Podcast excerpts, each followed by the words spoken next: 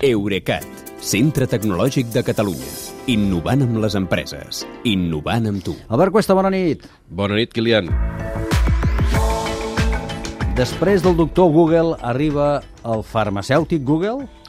Uh, sí, uh, aviam, el doctor Google és, uh, uh, com es coneix, aquell fenomen que fan tanta ràbia als professionals sanitaris quan els pacients els discuteixen el diagnòstic perquè ells ja havien buscat els símptomes a la web i els, els hi sortia una altra cosa.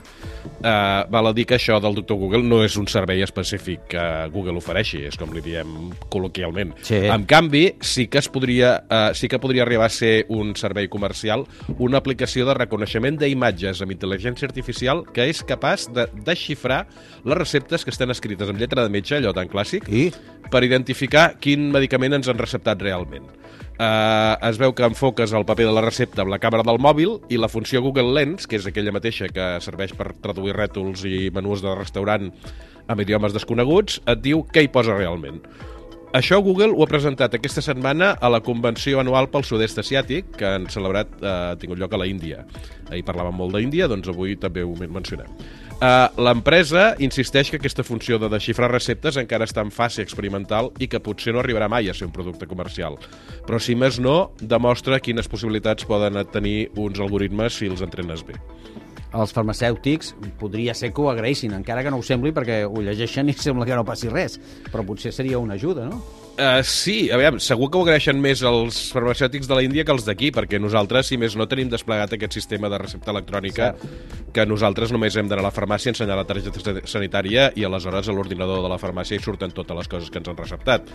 Tot i això, quan la recepta ve d'una consulta privada encara és probable que sigui manuscrita i per tant que costi entendre-la. I per això, a les xarxes socials, com Facebook i Twitter, hi ha fins i tot grups on hi ha farmacèutics que publiquen receptes que són il- il·legibles per ells amb l'esperança de que un altre col·lega les sàpiga interpretar.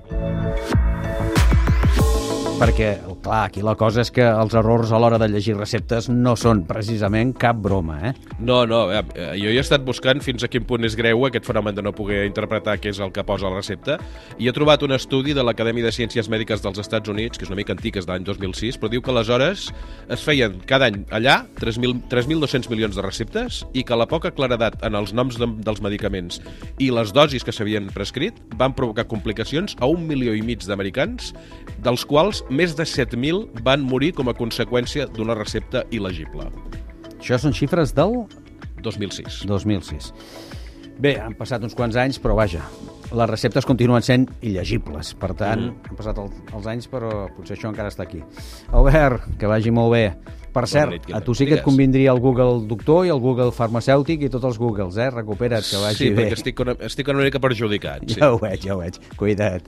Apa, gràcies. Eurecat, centre tecnològic de Catalunya. Innovant amb les empreses. Innovant amb tu.